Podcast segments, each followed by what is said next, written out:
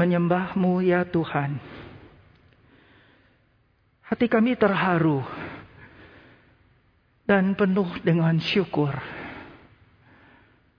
Pagi ini kami bersama-sama seluruh gereja menerima peneguhan atas panggilan Tuhan, konformasi bahwa Tuhan berkenan atas gereja Tuhan Yesus di tempat ini, atas kami rekan-rekan, sehingga kami dipercayakan pelayanan yang mulia, pelayanan yang agung, pelayanan yang suci, pelayanan yang kelak akan menyelamatkan jiwa-jiwa dan menggembalakan domba-domba Tuhan.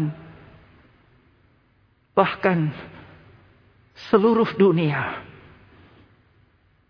Kami tahu kami tidak bisa, tidak mampu melayani seperti ini.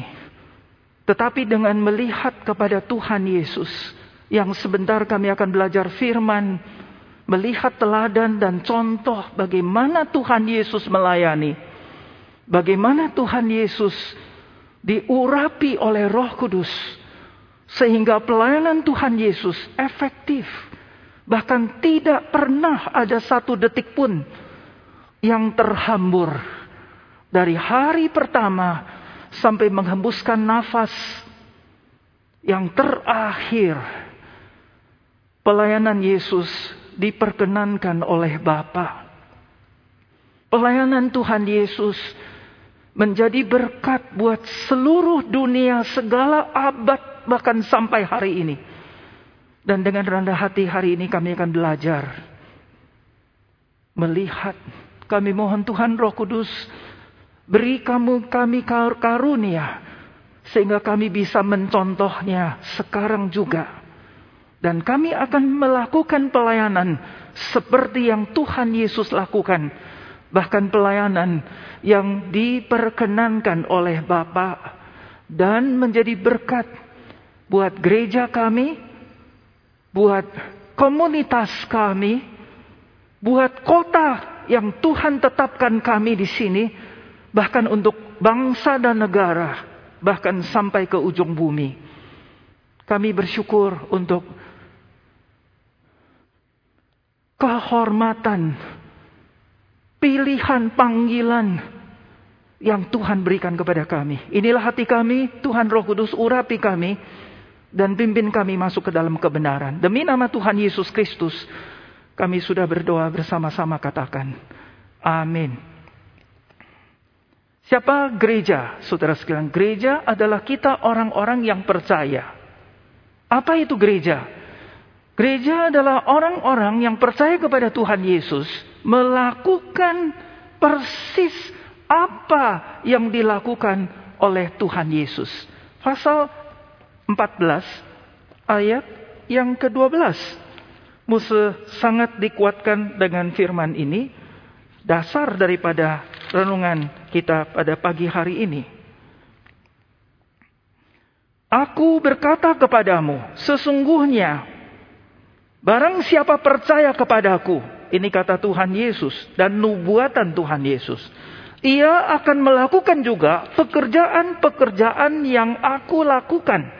Bahkan pekerjaan-pekerjaan yang lebih besar daripada itu. Sebab aku pergi kepada Bapa. Saudara sekalian, yakin ini firman Tuhan Yesus dan nubuatan Tuhan Yesus untuk gerejanya di atas bumi. Jadi saudara sekalian kita dipanggil untuk melakukan persis seperti yang Tuhan Yesus lakukan. Bahkan dengan kuasa dan urapan roh kudus. Kita kelak dipercaya untuk melakukan hal-hal yang perkara-perkara dan pelayanan-pelayanan yang lebih besar dari yang Tuhan Yesus lakukan. Nah, saudara sekalian, dari hari pertama, waktu Tuhan Yesus keluar melayani, dia sudah diurapi oleh Roh Kudus, dan dia sudah diperkenankan oleh Bapa. Dia belum melakukan apa pun, tetapi dari hari pertama ada suara dari surga dan Bapa mengatakan, "Engkau anakku, kepadamu aku berkenan." Saudara sekalian, bagian ini penting sekali.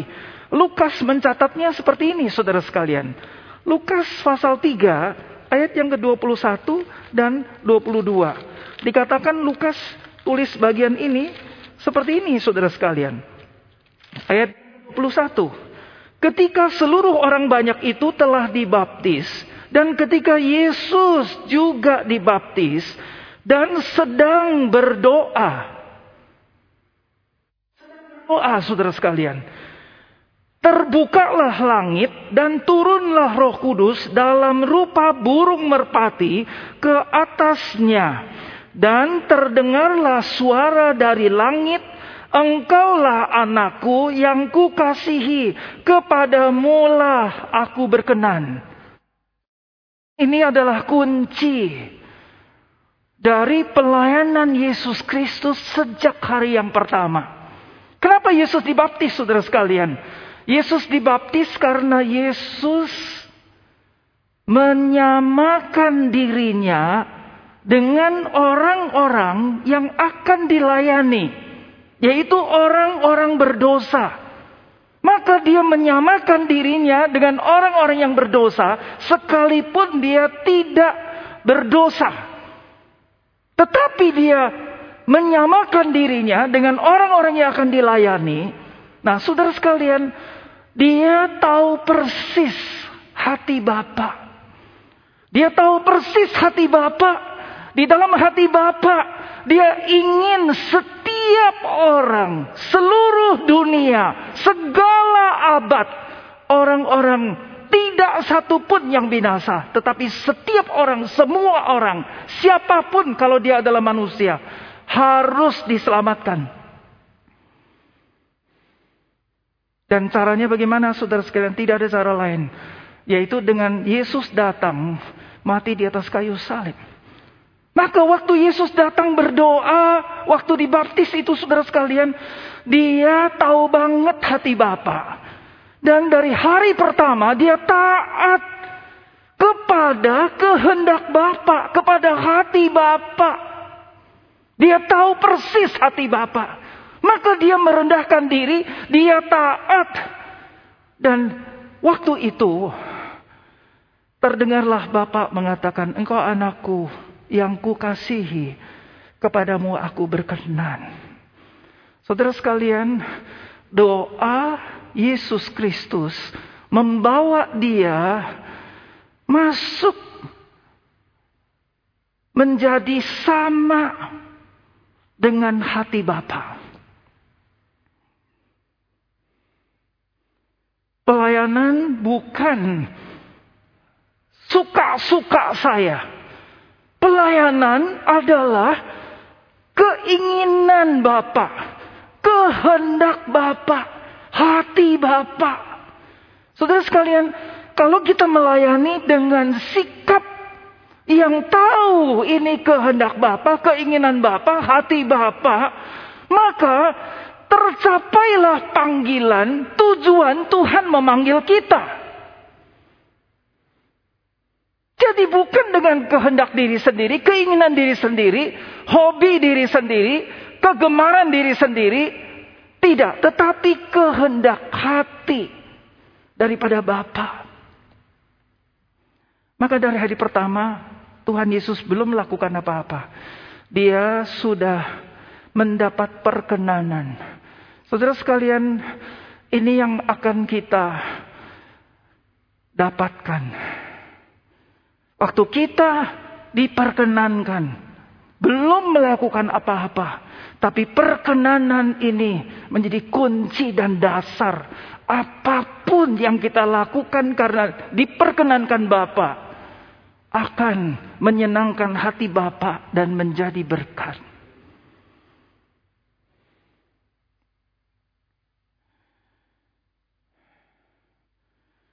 Waktu Yesus datang ke dalam dunia, waktunya pendek 33 setengah. Efektif yang dia lakukan sebetulnya dari umur 12, dari waktu kecil, Tetapi di dalam pencatatan kitab Injil kita melihat waktu dia berumur 30, yaitu waktu dia dibaptis saudara sekalian. Dan waktu ini. Dari mana dia bisa memperkenankan hati Bapa? Karena Yesus berdoa. Berdoa artinya menyamakan hatinya dengan hati Bapa. Yang kedua, saudara sekalian. Setelah itu, Lukas mencatat apa saudara sekalian? Yesus yang penuh dengan roh kudus pasal 4 ayat 1. Kembali dari sungai Yordan lalu dibawa oleh roh kudus ke padang gurun. Segera saudara sekalian setelah itu ini merupakan satu ujian bagi Yesus Kristus. Mesias yang diutus oleh Bapa untuk mengerjakan kehendak Bapa. Maka ini tidak bisa dihindarkan untuk mempersiapkan untuk menguji hati Yesus sampai sejauh mana di dalam melaksanakan pelayanan yang dikehendaki oleh Bapa yang berhubungan dengan keselamatan umat manusia. Yesus dicobai tiga kali berturut-turut. Dan bagaimana dia bisa menang daripada pencobaan. Bagaimana dia bisa mengalahkan setan. Musuh ingin diri musuh sendiri dan kita semua menjadi aware bahwa ini peperangan rohani, saudara sekalian. Musuh ulang-ulang katakan kepada diri musuh sendiri sejak Adam dan Hawa pasal 3 ayat 15. Terus sepanjang abad, sepanjang jalan sampai zamannya Tuhan Yesus. Peperangan rohani tidak hanya tidak berkurang atau selesai tetapi makin mendahsyat dan terus-terusan dilakukan. Dan waktu ini Tuhan Yesus berhadapan juga di dalam peperangan rohani. Yang pertama, Tuhan Yesus dicobai supaya dia memakai haknya sebagai wewenangnya atau kuasanya sebagai anak Allah untuk merubah roti batu menjadi roti. Saudara sekalian, di sini Tuhan Yesus memilih taat kepada kehendak Bapa dan menolak untuk melakukan menurut keinginan dagingnya. Yang kedua, Tuhan Yesus diajak ke atas hubungan bait Allah, kemudian disuruh menjatuhkan diri. Di sini Tuhan Yesus memilih taat kepada kehendak Bapa, tetapi tidak menuruti keinginan hawa nafsunya. Yang ketiga, Tuhan Yesus dibawa ke gunung yang tinggi. Tuhan Yesus diperlihatkan semuanya. Kemudian Tuhan Yesus ditantang oleh setan. Ayo sembah saya, ini semua untuk kamu. Tuhan Yesus memilih kehendak Bapa. Dia siap untuk naik ke atas kayu salib. Mati disalibkan. Dan tidak menyembah kepada setan, kepada iblis. Saudara sekalian, dari ketiga pencobaan ini, Yesus selalu memakai firman. Dan musuh yakin firman ini dari roh kudus. Dan musuh yakin dan percaya saudara sekalian, Yesus pada saat-saat seperti ini, 40 hari, 40 malam, berdoa dan berpuasa saudara sekalian. Maka urapan roh kudus menyertai satu demi satu dia bisa mengalahkan. Dia tetap taat seperti waktu dia dibaptis. Memilih taat kepada kehendak Bapa dan tidak menurut keinginan dirinya. Kuasa setan siapa pun, tapi hanya Bapa, Saudara sekalian. Yang ketiga,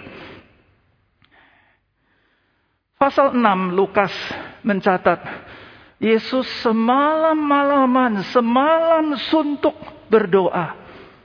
Berdoa kepada Bapa. Kenapa saudara sekalian? Karena dia harus memutuskan segera memilih murid-murid, 12 murid-murid. Saudara sekalian, memilih murid-murid bukan hal yang mudah. Tetapi Yesus berdoa dengan sungguh-sungguh memohon kepada Bapa. Dan inilah nama-nama yang diberikan. Dia pilih satu-satu setelah semalam suntuk dia berdoa. Yang keempat, waktu Tuhan Yesus mau mengumumkan berita penderitaan dan kematiannya, Di Kaisaria Filipi, ini satu percakapan yang sangat penting sekali. Dia bertanya kepada murid-murid, orang-orang bilang aku ini siapa? Kemudian kamu bilang ini siapa? Petrus mewakili semua bilang engkaulah Kristus anak Allah yang hidup. Kemudian dia memberitakan Kristus akan diserahkan dan nanti akan dipaku di atas kayu salib dan akan mati untuk seluruh dosa umat manusia. Berita yang sangat penting ini saudara sekalian disampaikan setelah pergumulan doa yang panjang saudara sekalian. Tuhan tolong kita untuk mengerti bagian ini. Dan yang berikut yang kelima saudara sekalian. Menuju ke jalan itu Tuhan Yesus menyatakan kemuliaannya. Dan sekali lagi confirm akan panggilannya. Maka Tuhan Yesus membawa tiga murid, Petrus, Yakobus, dan Yohanes ke atas gunung. Menyatakan kemuliaannya dan waktu itu Musa dan Elia menampakkan diri mempercakapkan mengenai apa yang akan terjadi di Yerusalem, di Golgota. Apa yang akan terjadi waktu Yesus dipaku di atas kayu salib, saudara sekalian. Bagian yang penting ini memberikan konformasi Tuhan Yesus berdoa dan taat memakai cara Bapa, bukan pakai cara manusia untuk menggenapi pelayanan yang Bapak inginkan Yesus lakukan di atas muka bumi. Yang berikut.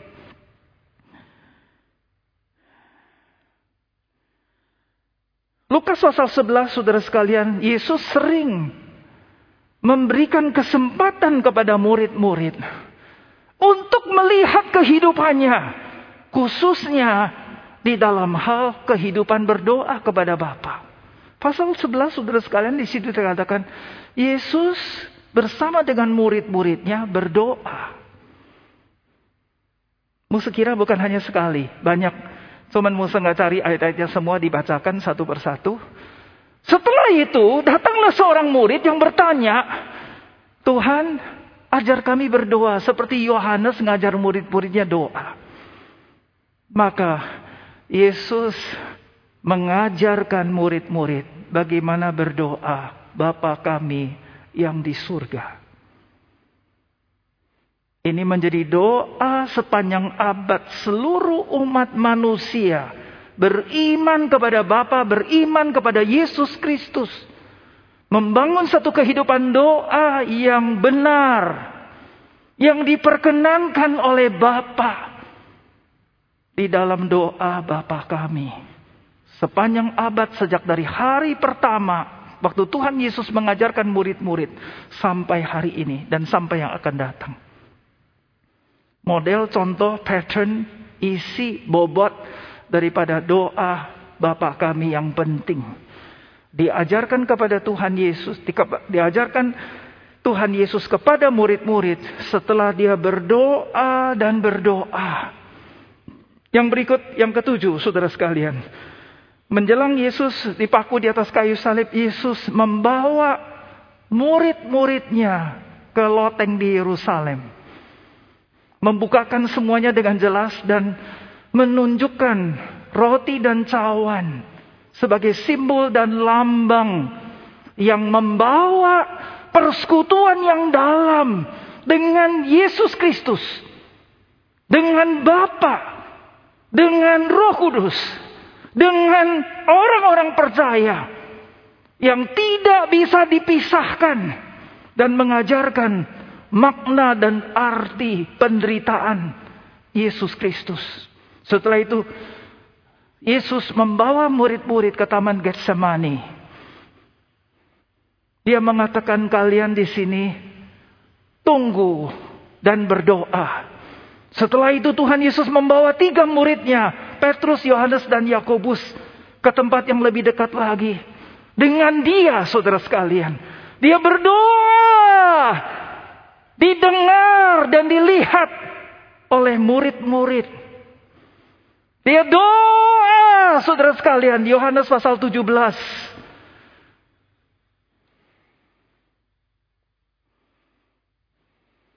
Apa yang dia doakan? Semua terbuka Yohanes dengan pertolongan Roh Kudus menuliskan kata lepas kata.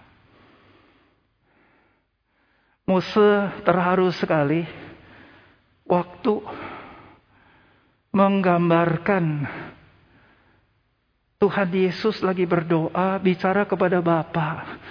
Kemudian Mose ada di situ juga. Lagi nguping. Lagi nguping, lagi lihat, lagi dengar Tuhan Yesus bagaimana satu kata lepas satu kata dia berdoa kepada Bapa. Dan waktu dia berdoa di dalamnya juga menyebutkan namaku. Wah, nangis dan terharu saudara sekalian. Gak ada satu waktu yang lebih dekat dengan Tuhan. Dia begitu sayang kepada aku, sayang kepada murid-murid, sayang kepada gerejanya. Dia bilang, aku tidak minta kamu membawa di mereka keluar dari dunia.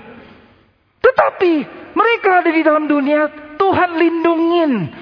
Supaya mereka tidak jatuh ke tangan si jahat. Dilindungi.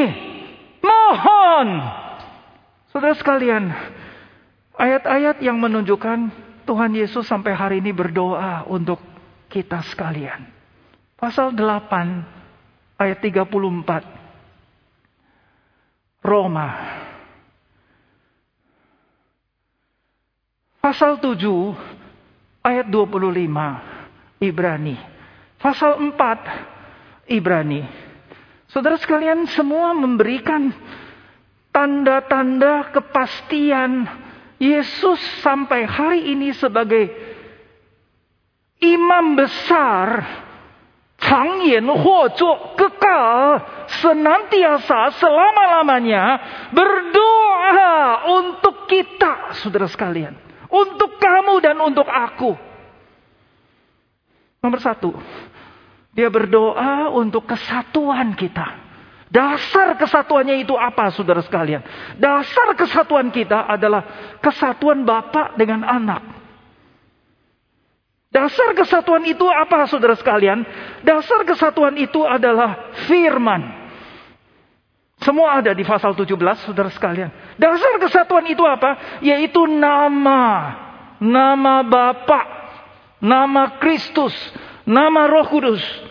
Dasarnya itu apa saudara sekalian? Dasarnya adalah kasih. Kasih Allah. Dasarnya itu apa saudara sekalian? Dasarnya adalah kemuliaan Tuhan. Dasar bersatu itu apa saudara sekalian? Roh Kudus sendiri yang diberikan. Roh Kudus yang mempersatukan. Dasarnya itu apa yang ketujuh? Dasarnya adalah oknum kedua dari Allah Tritunggal, Yesus Kristus yang dipaku di atas kayu salib, mengalirkan darah, menyerahkan nyawa supaya bisa mempersatukan gereja, mempersatukan orang-orang percaya. Maka kalau ada orang-orang yang berani memisahkan gereja, kita berhadapan dengan Yesus Kristus, saudara sekalian. Kita berhadapan dengan Yesus Kristus. Itu adalah pekerjaan setan. Dari hari pertama, Adam dan Hawa mau dipisahkan dengan firman Tuhan, dengan Tuhan, dan sepanjang abad.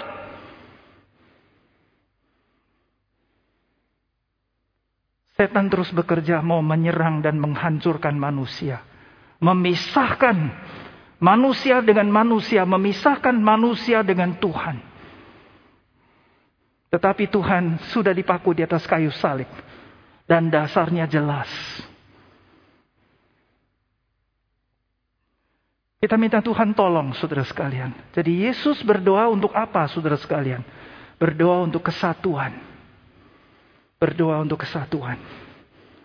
Yesus sebagai imam besar. Imam yang agung saudara sekalian. Dia berdoa untuk kita. Dia ada di sebelah kanan Bapa. Berdoa karena penggenapan penebusan sudah digenapi. Dosa sudah diampuni. Hidup kekal sudah diberikan. Iman diberikan. Roh Kudus yang tidak terbatas diberikan, saudara sekalian.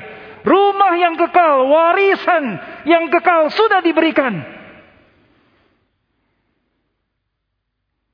Termasuk Musa akan sebutkan lagi sakit penyakit.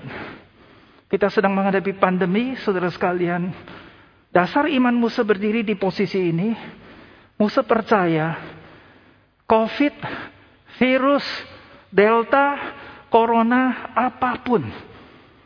Semua sudah dibereskan. Ada yang nanya-nanya sama Musa, sekarang Musa tanya lagi. Apakah COVID dibuat oleh Tuhan, diciptakan oleh Tuhan?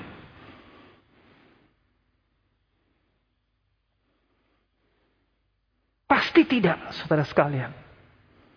Jadi COVID datang dari mana, saudara sekalian? Kenapa ada COVID? Langsung atau tidak langsung? Karena ulah manusia, karena dosa-dosa manusia. Yang sekarang juga sedang dipakai oleh si jahat untuk menghancurkan umat manusia. Karena itu memang tujuannya saudara sekalian. Karena itu memang tujuannya. Dia mau menghancurkan umat manusia. Memisahkan manusia dari Tuhan. Tetapi kita udah punya darah Yesus. Tadi kita nyanyikan ada kuasa dalam darahnya. Dan kita percaya. Kalau kita terjangkit saat ini. Kita pasti sembuh. Kamu harus yakin. Kenapa kamu harus sembuh? Karena darah Yesus sudah dicurahkan dan tersedia.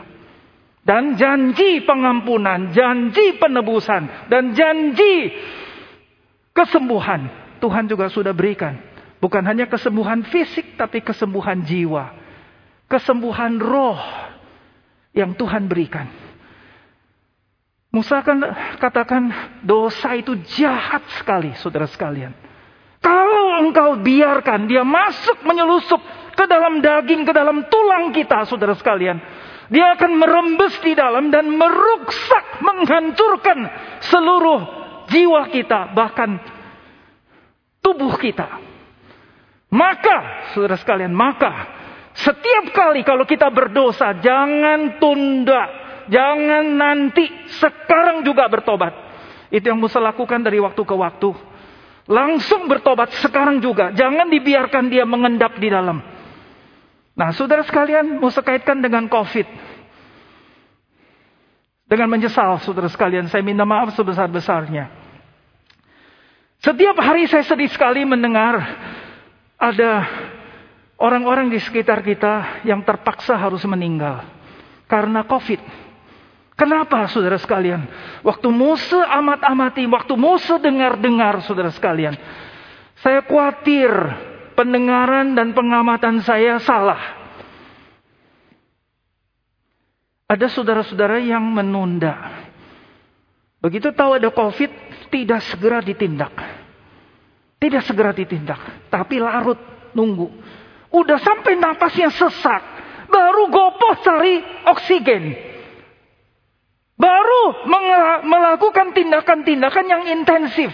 Tetapi sudah keburu masuk di dalam sehingga tidak tertolongkan. Maaf saudara sekalian maaf. Contohnya adik Musa sendiri minggu lalu. Saya dikasih tahunya hari-hari terakhir. Waktu itu saya menjadi gopoh. Bagaimana caranya? Akhirnya dengan pertolongan Tuhan. Sampai dihantar ke rumah sakit. Dan sudah di rumah sakit pun masih minta pulang. Nggak mau di rumah sakit. Sampai saturasi oksigennya 40 saudara sekalian. Sampai napasnya sesak. Sampai pasang ventilator. Saudara sekalian sudah terlambat. Maka kita sama-sama tetapkan. Mulai hari ini kalau saudara Berani telepon ke nomor yang sudah dipasang di layar.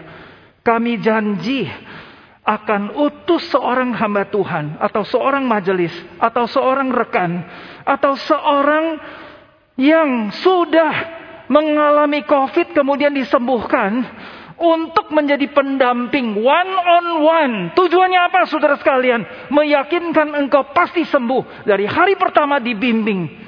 Ada yang tiga hari sudah sembuh. Ada yang tidak sampai seminggu sudah sembuh. Saudara sekalian, kita punya Yesus Kristus, kita punya Roh Kudus, kita punya darah Yesus Kristus, dan kita punya janji pengampunan, dan kita punya janji kemenangan. Kita harus imani, ini adalah kuasa kerohanian, kuasa Roh Kudus. Kalau kita beriman dan percaya, jangan terlambat, dosa sekalipun harus sekarang beresin karena pengampunan sudah disediakan. Kesembuhan sudah disediakan. Memang kita tidak imun, tapi kita pasti sembuh. Dosa kita pasti diampunin. Khotbah Musa 2-3 minggu yang lalu kompromi dengan shifting ke gereja yang am. Jadi kalau sampai terpaksa kita terjangkit dan kemudian meninggal, Musa kira, Musa yakin itu adalah recruiting. Panggilan Tuhan masuk di dalam gereja yang am melanjutkan melayani di dunia kekekalan bersama Tuhan Yesus, rasul-rasul, murid-murid dan semua umat yang percaya. Memuji dan menyembah dan terjun berbagian dalam perang rohani yang sedang terjadi. Sampai kapan? Sampai sangkakala berbunyi Tuhan Yesus datang kembali.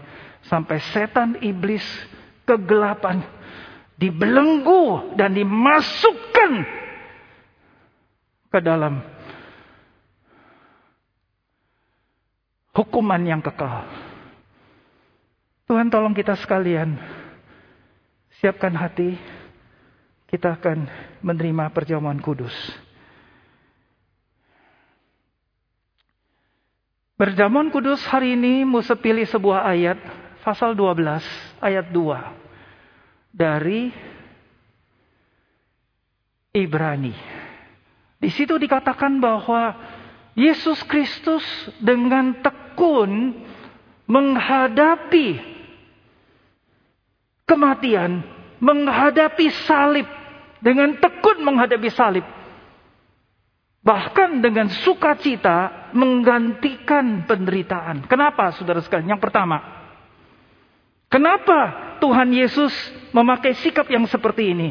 Jadi perjamuan kudus di satu sisi perintah Tuhan Yesus mengenang tubuh dan darah Yesus yang dicurahkan, yang dihancurkan, dialirkan. Di sisi lain merupakan satu perayaan. Perayaan kemenangan. Ini yang disikapi oleh Tuhan Yesus. Dan Tuhan Yesus ada di sini sekarang. Dia menemani kita. Waktu menerima perjamuan kudus kita bersama-sama mengenang Yesus Kristus. Yang pertama, saudara sekalian, karena penggenapan penebusan sudah dilakukan. Berarti apa, saudara sekalian? Berarti setiap orang di atas bumi ini punya kemungkinan diselamatkan. Dosanya diampuni dan jiwanya diselamatkan karena penebusan sudah selesai. Jadi waktu Tuhan Yesus menghadapi kematian waktu itu, dia tidak hadapi dengan keluh kesah, dengan susah sekalipun menderitanya sampai dia katakan mau mati rasanya. Tetapi sukacita, optimis karena penggenapan penebusan yang akan dilakukan nanti memberikan kemungkinan setiap manusia sehingga Bapak yang kedua hati Bapak akan dipuaskan karena Bapak ingin setiap manusia di atas bumi, muka bumi ini tidak satupun yang binasa tapi semua selamat. Yang ketiga, Yesus diyakinkan bahwa engkau dan aku orang pilihannya termasuk daripada orang-orang yang diberikan Bapak kepada Tuhan Yesus. Pasal 17 Yohanes. Waktu Tuhan Yesus berdoa dia bilang, Bapak aku berterima kasih. Karena engkau berikan orang-orang ini untuk aku. Supaya aku menunjukkan namamu, supaya aku menunjukkan firmanmu, supaya aku menunjukkan kemuliaanmu kepada orang-orang ini yang dipilih. Yang kau berikan kepadaku. Dan kita hari ini di sini. Waktu perjamuan kudus. Yesus diyakinkan kamu dan saya termasuk di dalamnya. Maka dia sukacita melihat kamu dan saya diselamatkan. Dan merespon kepada panggilan. Dan predestinasinya Tuhan. Di dalam kekekalan. Dan semua dipilih dan dipanggil. Yang keempat saudara sekalian. Waktu kedatangan Tuhan sudah lebih dekat. Pasal 13 ayat 11 Roma. Dikatakan, waktu sekarang ini keselamatan lebih dekat daripada permulaan. Kita udah makin mendekati akhir zaman. Kita suka makin mendekati kedatangan Tuhan yang kedua kali. Maka Tuhan Yesus di sini bersama dengan kita. Waktu kita menerima perjamuan kudus. Berarti kita akan muka dengan muka ketemu dengan Tuhan Yesus.